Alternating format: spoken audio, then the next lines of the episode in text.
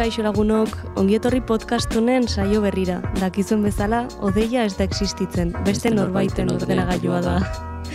Gaur, irukotearen irugarrena falta da, tenerifen dago gure kris, baina nerea bai hemen daukagu, kaixo nerea zer moduz? Kaixo Sandra, ondo bai, kris baino kerrago hori ziur, baina ondo san beharko. Gaur, gai potente batekin gatoz.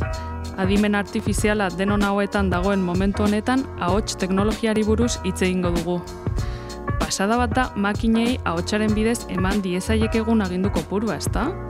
Kantu hau edo bestea jartzeko, telebista kanal aldatzeko, nik beste egunean xurga gaioa martxan jarri nuen. Ba, etzara bakarra, nik azken egunotan pentsatzen badut, ba, gaur goizean bertan amak galdetu du Alexari. Ke tiempo dan para el sábado? Claro, aste buruko plan egiteko uriri gabe asko zobeto eta aurrekoan kotxean, bilera batera bidean, eskulibra eh, jarrita generaman, eta bat batean, plim, tienes un nuevo mensaje de WhatsApp. Quieres escucharlo? Eta nik pentsatu nuen bai noski, bidaia lanarekin aurreratzeko aprobetsatuko dut. Eta eskulibreak mezu idatzia hau irakurri zidan, eta ondo irakurri ere. Nik ezakit, bizitzaren erritmogatik den erosotasuna gero eta gehiago bilatzen dugun, baina etorkizunean ez dugu teklaturik erabiliko gero eta ohikoagoa da makineekin elkar eragiteko hau erabiltzea. Eta noski, horretarako hainbat tresna daude dagoeneko. Google Assistant, Apple Siri, Microsoft Cortana, Amazon Alexa. Buketxean Alexa daukagula onartu beharra dakat, baina nik ez nuen erosi, eh? Hori ere argi gera da bila. Errestazunak ematen dituzte, baina ez da aurrea distira egiten duen guztia edo horrela esaten denez. Tresna guzti hauek erraldoienpean dauden tresnak dira eta e, hainbat arazo e, erakutsi, e, erakutsi dituzte. Batetik, hizkuntza zabaldunetan bakarrik erabili daitezke. Atzean dituzten enpresa handiek etekin ekonomikoei begiratzen diete eta azkenean hizkuntza txikiak ez dira bideragarriak haientzat. Beraz, alternatibarik sortu ezean, Euskaldunok erdaraz mintzatu beharko diegu telebista, sakelako telefono eta gainontzeko gaiuei. Eta berdin gertatuko zaie beste hizkuntza txikien eunka milioi pertsoni ere mundu osoan. Bestetik, ez dute hau txanistasuna kontuan hartzen. Zer esan nahi du honek? Ba, hizkuntza nagusi bat hitz egiteak ez duela ziurtatzen gaiuak zure ahotsa ulertuko duenik. Adibidez, e, azentuarekin hitz egiten baduzu, ba, sailtasunak eukiko dituzu lertua izateko.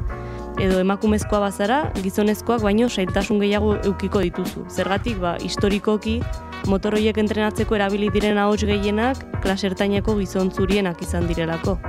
Bai, bai, egia. Eta ez hori bakarrik, pribatutasun aldetik ames gaizto bat dira ere. Gure borondatez, etxean edo poltsikoan sartu ditugun espioiak dira.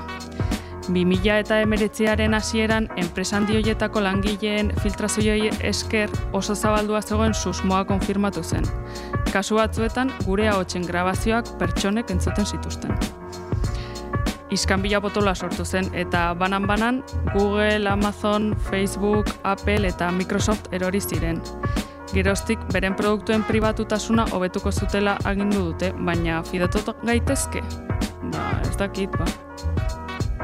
Bueno, lasai ez gaude hemen bakarrik amezgaiztuak kontatzeko dakizuenez, beti saiatzen gara ba, praktika onak ekartzen, proiektu interesgarriak, eta hizkuntzen arazoari e, konponbidea emateko Common Voice proiektua jaio da. Teknologiak trebatzeko, ahotsen eta eta testuen bilduma. Ahots eta testu ez osatutako datu base ireki bada, eta nahi duenak erabili dezake. Ahotsan istasunak e, egingo du teknologiak gure hizkuntzan hobeto trebatzea. Horregatik oso garrantzitsua da alik eta jende gehien parte hartzea. Plataformaren funtzionamendua gainera oso simplea da eta ez duzu aparteko tresnarik behar zure ahotsa e, grabatzeko. Plataformak esaldi esaldiak erakutsiko dizkizu eta esaldi horiek audio bidez irakurri behar dituzu. Baina nik baino beto Marko Txopiteak, Librezale eta Abaraskako kideak asalduko dizkigu Common Voice proiektuaren inguruko xeetasun e, guztiak.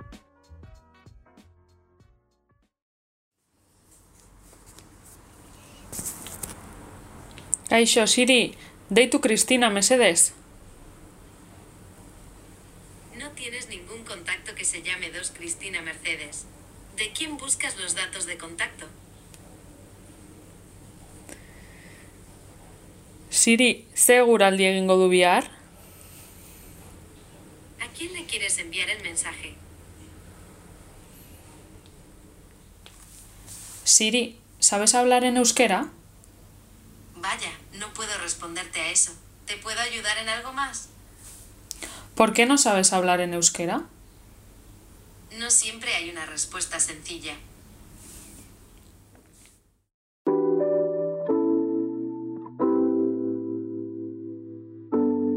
Kaixo Txopi, Kaixo, Gutxi gora bera, entzuleak kokatu ditugu, Common Voice zer den jakin dezaten eta, baina ziurzuk e, hobeto asalduko duzula guzti hau.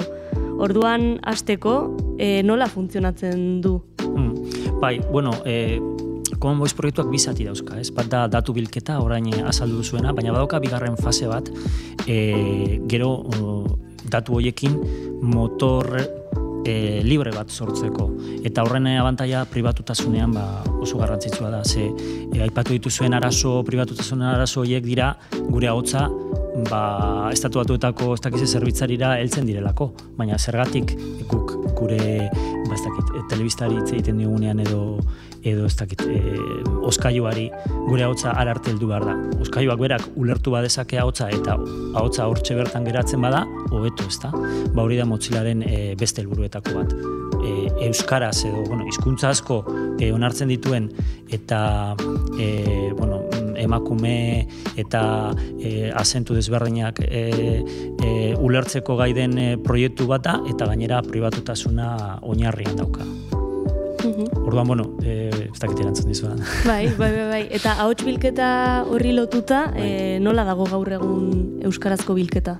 Ba, orain dela proiektua bera, Common Voice proiektua Mozilla e, fundazioarena da, e, asko ezautuko duzue e, ba, Firefox nabigatzailea eta beste produktu batzuk egiten ditulako, eta e, orain dela sei urte hasi zen. Eta orain dela bost urte hasi ginen gu euskaraz, euskarazko bueno, e, proiektua martxan jartzen eta eta datu eta ahots bilketa hori egiten. Eta, bueno, nik uste dut e, guk daukagun aurrerako oso ondo hala. Dagoeneko da berrogeta mar ordu baino gehiago e, bildu ditugu eta eta hori ba, gero euskararen e, ezagutza egiteko ba, oso ona da. Eta entzulek pixkat ber, e, haien buruan ideia bat egiteko, zenbat e, ahots ordu behar dira gutxi gora bera tresnek e, euskara ondo ikasteko. Ja. Ba hori oso zaila da jakiten. Ze hizkuntza bakoitza e, desberdina da. Guk e, daukagun abanteietako bat da euskara hizkuntza gardena deitzen den e, taldean dagoela, hau da idazten den modua eta irakurtzen den modua nahiko antzekoak direla, e, ingelesez eta frantsesez adibidez ez da hori gertatzen eta ordu gehiago behar dituzte beraiek guk baino. E, orduan, ba bueno, dagoeneko e, bildu diren orduekin e, ibili badabil, baina kontua da igual ez da biela e, egoera guztietan, soinua dagoenean, edo ahots batzuk ez ditu hain ondo ezagutzen, orduan datu gehiago behar dira. Horlako adimen artifizialeko eta deep learning algoritmoak eta lakoak erabiltzen direnean, gakoa da beti datu pilo bat izatea. Eta karo, lehen aipatu duzuen bezala, ba, enpresan diei ez die merezi hizkuntza txikiak e, txikietan inbertitzea. Eta hor, egiten dutena da, beti ba, gaztelania da, frantziara, e, frantzesera mugatu eta kitxo. Mm, be- guk moldatu behar dugu. Baina zergatik, proiektu libre bat bada eta parte hartzailea, guk geuk sortu dezakegu, e, guk behar duguna, eta orduan ba, hori da Common Voice gakoa. Eta igual hori horrekin jarraitzeko pixka bat, beste herrialde batzuekin alderatuta adibidez, e, nola gabiltza? Bueno, guk e, Euskara teknologia arloetan e, esan e, nahiko ondo dago ez bakarrik e, proiektu honetan, baizik eta Wikipedia dala eta beste mila baliabide begiratzen badiozu, ba sekulako e, posizioan gaude, ez? Adibidez, e, Common Voiceen proiektuan e, hogeta zigarren hizkuntza sartu ginen, eta guz gara munduko hogeta zigarren hizkuntza ez da gutxiago ere, ez? Orduan, ba, ondo, baina kal, hori da, bebaiz, e, non bizi garen eta zelako baliabeak ditugun eta ikusita beste hizkuntza batzuek batzuk ongo dira gu baino beto, baina beste asko gu baino asko txartu hau. Baina, azkenean, Common Voiceekin denok elkarri laguntzen digu ere bai, ez? Ze, egiten ditugun ekarpenak proiektuan eta bar, azkenean, ba, bueno, in, elkarri indartu egiten gara. Eta horra, ba, nik uste dut, ba, katalanekin ezin gara alderatu adibez, e, baina eskiztun gehiago dauzkate. Orduan, guk gurera, nik uste gurera begiratu behar dugula, guk dagoeneko da mar ordu ditugu, eta jarroitu behar dugu, zezen bat eta ordu gehiago, orduan eta hobeto ibiliko da sistema, ez? Bai. Eta, bueno, Common Voiceen beste helburuetako bat ahotsen anistasuna kontuan hartzea da, ez? Aipatu dugu leno.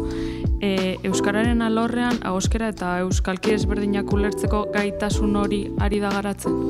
Bai, e, Mozilla Fundazioak e, beti animatzen ditu, beti, e, ba, bueno, e, izkuntza varianteak eta grabatzera. Euskalkiak gure kasuan, ez?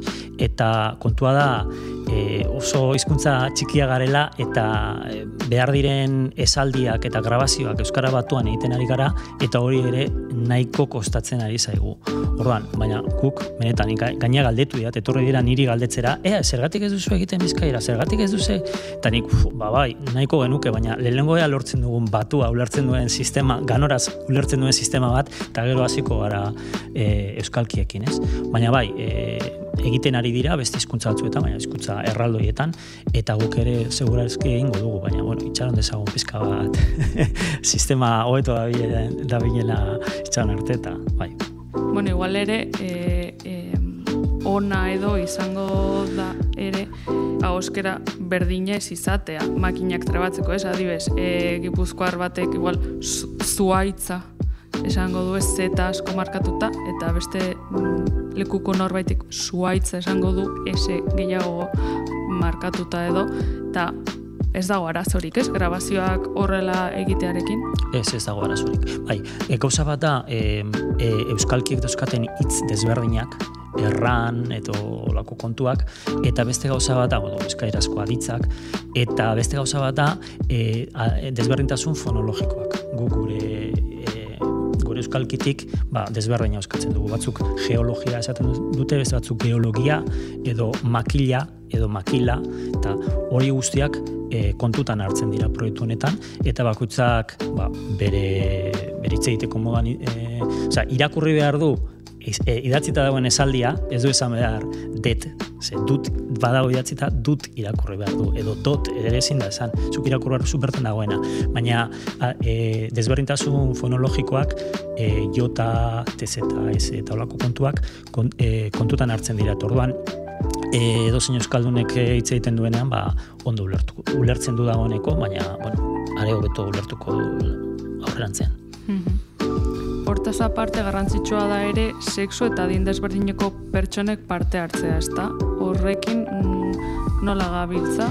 Bai, hori da mm, Common Voice sortu zenean ere e, beraien helburuetako bat zan pizkat hizkuntza txikiagoak edo e, bazter ez, ez gelditzea, baina be bai aipatu zuna emakumeena oso oso deigarria da zelako ba, oso txartuago da biltza emakumeekin beti. Eta da, beti grabazioak egiten direlako gehiago gerturatzen dira gizonak emakumeak baino onelako proiektuetara.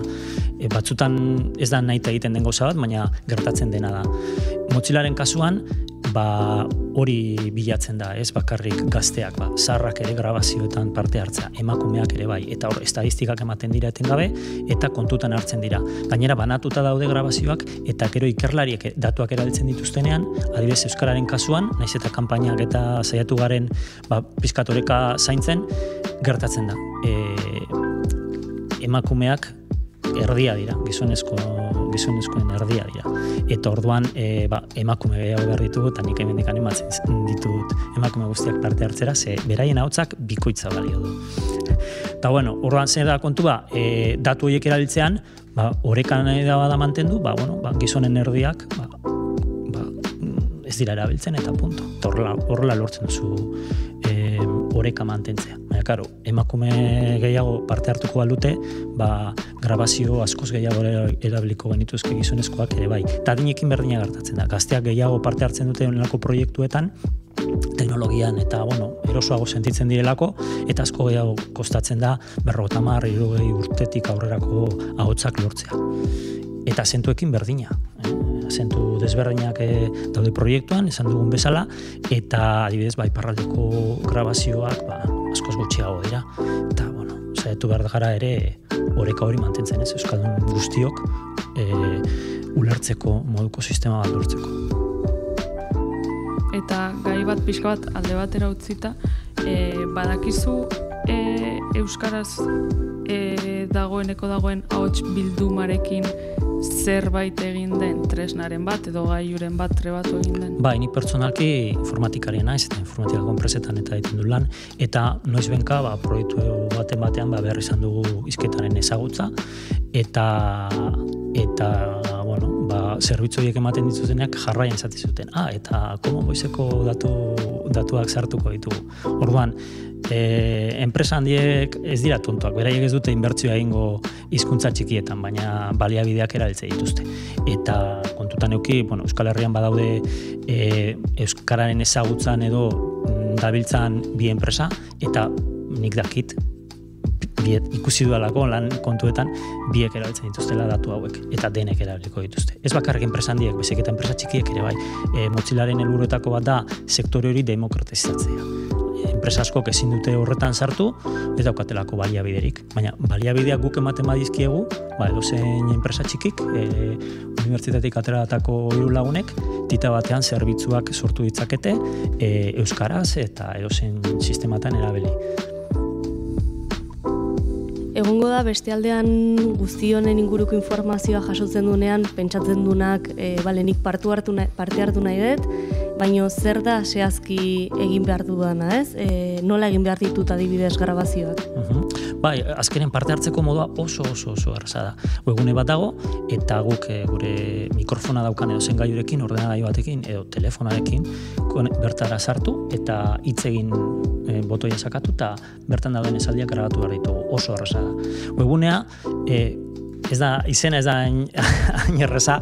Common Voice www.mozilla.org oso dauka M pilo bat, eileak eta pila goza. Baina gaitu.eus adibidez e, sartzen da zara, bertan dago botoi bat, sakatu, eta bertara komo moizera emango zaitu. Gaitu.eusen klik egin, eta grabazioak egiten hasi zaitezke orain txartan.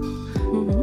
Eta validaziorik edo egiten da, edo nola? Bai, Bai, e, ahotzei dagokienez egiten dena da bi, bi zati daude, ez? Lehenengo grabatzeko aukera daukazu, grabazio berriak gehitu, eh? esaldi horiek irakurri, adibidez agertzen da, mm, beste egunean mendira joan nintzen, eta horren zuk, ematen duzu, grabatu, ezaten duzu, beste egunean mendira joan nintzen, tak, gelitzen duzu. Eta horrela, ez, grabatzen dituzu esaldiak eta esaldiak. Mm karo, gero horiek balioztatu egin behar dira, balidatu egin behar dira, eta e, gainera grabazio bakoitzak bi balidazio behar ditu. Hau da, gu komendatzen diguna jendeari da hitz egin daukazu aukera bat eta bestea da entzun. Ba, hitz egitea oso ondo dago, baina gero entzun ere egin behar da. Eta gainera, oreka mantentzeko, gero ez pilatzeko pila bat ordu, e, balioztatu gabeko orduak ez pilatzeko, bikoitza egin beharko zunuke. Hau da, zuk egiten dituzu bost grabazio, amar validazio egin, egin behar dituzu. Bestela hor pilatzen dira orduak. Mhm. Eta suposatzen dut ja, bueno, ideia badaukazuela edo identifikatuta aukiko dituzuela seintzuk diren jendeak egiten dituen maiz, bueno, maiz egiten dituen galdera horiek. Zagit baten bat e, buruatzen zaizu pixkate argitzearen eta... Bai, galdetzen dut asko kalitateari buruzea edo zein e, lekutan edo egin behar duten. Ez duzu behar estudio bat eta e, mikrofono kalitatezko bat ez dakizera egiteko. Azkenean, trebatu behar dira sistema hauek, ba, bueno, errealitatean erabiliko diren lekuetan ez, hombre, ez duzu egingo justo tabernan bozgora joaren azpian, ez? Baina egin behar da kalitate minimo batekin, baina e, hori adidez asko galdetzen digute. Gero euskalkiena ere bai, e, asko egiten dutena da irakurtzen du, ikusten dute esaldia eta gero beraien euskalkien irakurtzen dute, horako itzulpen moduko bat egiten dute, baina horrek ez du balio. Egiten duten beste akatz ohikoa da, bastakit mutututa ekitzen dute mikrofonoa, eta datzatezugun, amar segundo gehiago dauzkagu, e, isiltasun amar segundo gehiago, eta holako gauzak ez. Baina, bai, azkenean e, pribatutasunare dagokionez, nik insistitu nahi dut horretan. E, egiten diren bilketa hori, guk adimen artifiziala entzuten dugunean askotan, ba, olako enpresan diek egiten dituzten sistemen kontura egiten dugu, ba, e, testuak, argazkiak, irudiak erabiltzen ari denena jendearenak. Hau ez, hau hautza da, hautza bakarrik, eta hautza hizkuntza guztiona da. Eta e, datu bilketa egiten denean, e, egiten duguna da, ba, bueno, ba, e, hautza ematen dugu, baina ez dago ingo arazori pribatutasun aldetik horrekin. Alata guztiz ere, anonima, anonimatizatu egiten dira datuak, eta gero sortzen den sistema ba, guztiz anonimoa da, ez? Eta zentzu horretan ba, jendea lasaitzeko. Kontua da, e, hau ezin dela, hau denon artean egin behar dugu. Hizkuntza iztun guztiok egin behar dugun zerbait. Eta nik uste dute Euskararen kasuan, ba, bueno, Euskal Gintzatik eta ohituta gaude ba, guk esfortzu bat egin behar dugula eta ba, hau, hau berdina da e, enpresak ez dira ziko, enpresarraldiak ez dira ziko guretzako grabaketak egiten gero sistema kalitatezkoak sortzeko. Baina guk esfortzu hau egiten badugu, seguru egon, e, aterako direla gaiuak euskaraz dakitenak. Eta mm. izango da, koman boiz esker noski. Honen, honen inguruan, ez, e, nik proiektuaren berri izan nuenean oso interesgarria eta beharrezkoa iruditu zitzaidan, baina aitortu behar dut nolabaiteko zalantza edo sentimendu kontraeskorra sortzen didala baita ere e, makinei euskaraz erakustearena. Ze abantaiak argi daude, komentatu ditugu, baina ez diegu asko erreztuko, osea, gure espioiak izatea, ez?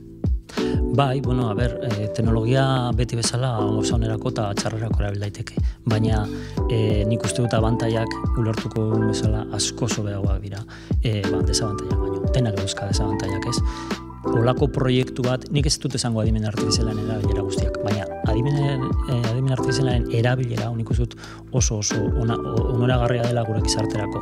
Ze, dagoeneko badaude kesak, adibidez ingelesez, gertatzen zaie, ba, eskoziarrek edo, azkenean, asentu aldatu behar dute, e, beraien, beraien sistemak ingelesez e, entzuteko, edo tabernetan e, ikusten dituzu jendeak, ba, aitze egiten diola tele, e, zarrak eta telefona hitz egiten dute, eta gaztelania egiten edo, frantzesez, erdarara jotzen dute. Eta horrek, arnazguneetan bertan, gertatzen den gauza bat da. Orduan nik uste dut, e, onurak ikaragarriak direla, eta eta eta, eta, bueno, eta holako proiektu batek e, merezi duela. Mhm. Badakit justo lehen aipatu duzula, ez? Ba, azken urteetan irabazi asmorik gabeko hainbat elkartek Common Voice zabaltzeko aleginak egin dituztela, ez eta eta esan bezala hainbat ahots ordu grabatzea lortu dituztenak ba igual argia edo gu jametzatik ere. E, orain jaurlaritzak gaitu kanpaina abiatu du e, proiektuari bultzada bat emateko ez? Eta noraino ikusten duzu beharrezkoa mm, gobernuek horrelako gaietan eskua sartzea Bueno, e, gobernu buruz nik ez dut asko hitz egiteko asmorik, baina hombre, nik uste dut azkenean gizartea bera e, dagoenean e, gauza baten alde, ba, bueno, gobernuak ere horretan parte hartzea ondo dagoela, zergatik. Ze azkenean, e, onarko sistema bat, e, grabazio hauek ezin ditu gobernuak lortu ezin du, zein du, e, hau desberdinak behar dira, ezin duzu pertsona berdina jarri, ez dakiz eman mila grabazio egiten. Behar ditugu, grabazio gutxi, baina alik eta jende gehienena. Beraien auskarekin, beraien timbrearekin, beraien desberdintasun guztiekin. Horrek e, bermatzen du kalitatezko sistema bat sortzea. Orduan, e, proiektu hau martxan dagoen dela bost urte, libresale taldetik, gu voluntarioa gara, sobar librearen alde egiten dugu tabar, eta herrigintzako enpresak eta lagunak eta e, ikerketa zentroak eta laguntze lagundu digute. Baina, karo, zemat eta Euskara taldeak adibidez animatzen badira, mi horretarako e, kanpaina bat egitea ba oso ondo ongo zen, guk ez daukagu baliabiderik. Eusko jarraritza hori egiteko pres badago, eta Nafarroako gobernua ere honen e, gaitu horren atzean dago, ba, hobeto, zebereiek daukaten komunikazio eta gaitasunarekin asko jende gehiago era heltzen dira. Orduan, bueno, mm, kasu honetan ez dute txartu ikusten. Orduan, igual, komplementatu, ez, egiten dira, oso lana, oso garrantzitsua da proiektu honetan, eta igual, zabalkunderako. Hori, dagoeneko Universalekin ba, kontaktuan jarri dira, elkarte gehiago, Euskara elkarteak, beste gaztentzako historiak, eta pila bat ze, honen berri izaten ari dira. Eta kanpaina laster spot bat aterako dute, eta seguru mila, mila mediotan aterako dela, eta orduan ba, jende gehiago grabazioak egingo ditu, elkarte gehiago jakingo du honen berri, eta bueno, mm, hori onuragarria dela, uste dut. Ba, ondo txopi, ba, onainoia azkeneko gauza gelditzen zaiguna da bestaldean daudenak berrire animatzea, parte hartzera, ez?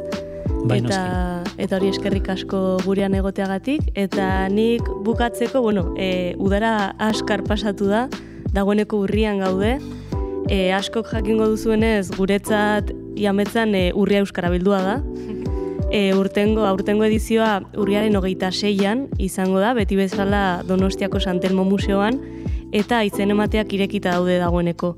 Beraz, podcasta bukatzerakoan, ba, bi gauza egin behar dituzue, batetik Common Voice proiektuan parte hartu, eta bestetik euskarabildua.eus webunean sartu, eta eta jardunaldian parte hartzeko e, izena eman.